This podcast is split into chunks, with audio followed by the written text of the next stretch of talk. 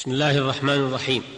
الحمد لله رب العالمين على فضله وإحسانه شرع لعباده ما فيه خيرهم وسعادتهم في الدنيا والآخرة وأمرهم بالتعاون على البر والتقوى ونهاهم عن التعاون على الإثم والعدوان وأمرهم بالتراحم بينهم.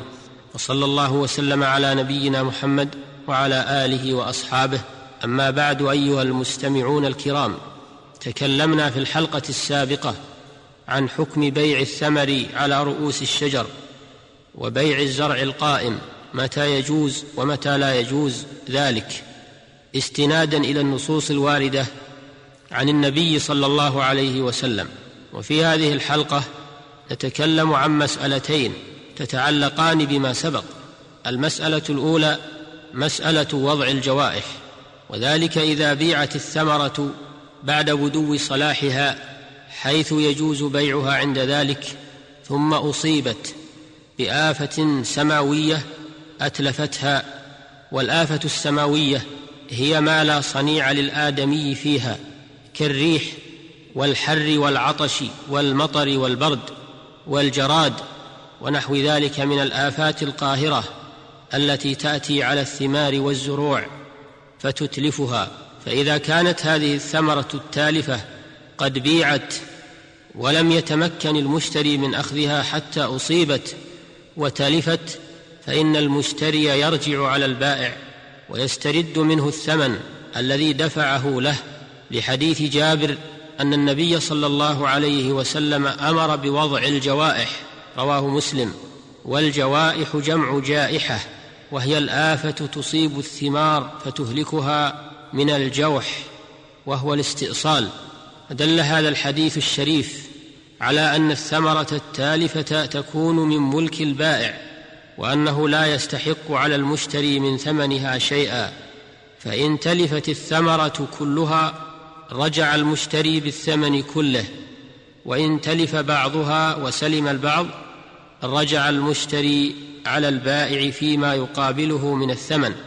لعموم الحديث وسواء كان البيع قبل بدو الصلاح أو بعده لعموم الحديث أيضا ولقوله صلى الله عليه وسلم بم تأخذ مال أخيك بغير حق وإذا كان التالف يسيرا لا ينضبط فإنه يفوت على المشتري ولا يتحمله البائع ولا يكون من مسؤوليته لأن هذا مما جرت به العادة ولا يسمى جائحة فلا يدخل في عموم الحديث. لأنه لا يمكن التحرز منه كما لو أكل منه الطير أو تساقط في الأرض ونحو ذلك.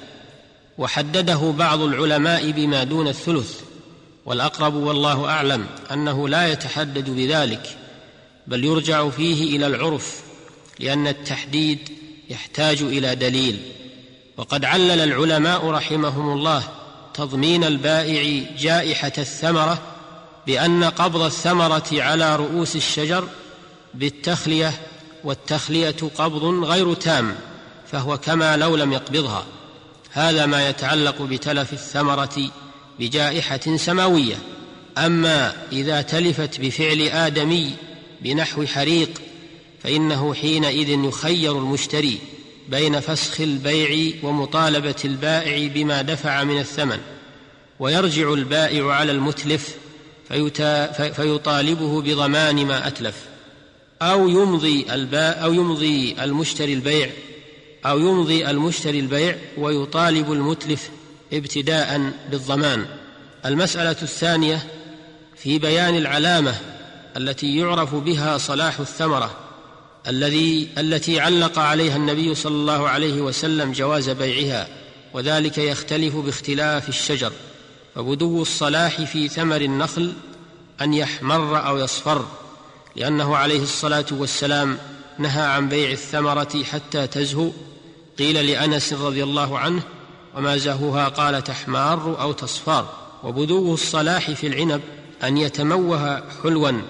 لقول أنس نهى النبي صلى الله عليه وسلم عن بيع العنب حتى يسود رواه أحمد ورواته ثقات ورواته ثقات وعلامة بدو الصلاح في بقية الثمار كالتفاح والبطيخ والرمان والمشمش والخوخ والجوز ونحو ذلك أن يبدو فيه النضج ويطيب أكله لأنه عليه الصلاة والسلام نهى عن بيع الثمرة حتى تطيب متفق عليه وفي لفظ حتى يطيب أكله وبدو الصلاح في نحو قثاء أن يؤكل عادة. وعلامة بدو الصلاح في الحب أن يشتد ويبيض لأن النبي صلى الله عليه وسلم جعل اشتداد الحب غاية لصحة بيعه. أيها المستمع الكريم هناك أشياء تدخل تبع المبيع فتكون للمشتري ما لم يستثنها البائع. من ذلك من باع عبدا أو دابة فإنه يتبع المبيع فإنه يتبع المبيع ما على العبد من ثياب العادة.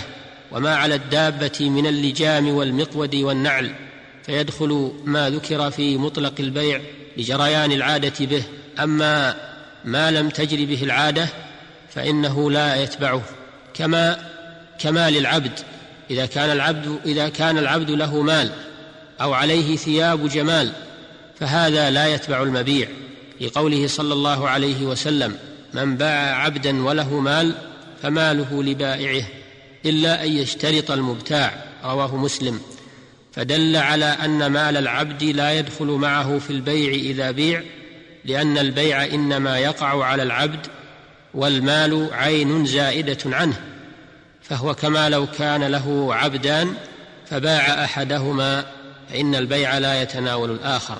ولأن العبد وماله لسيده فإذا باع العبد بقي المال.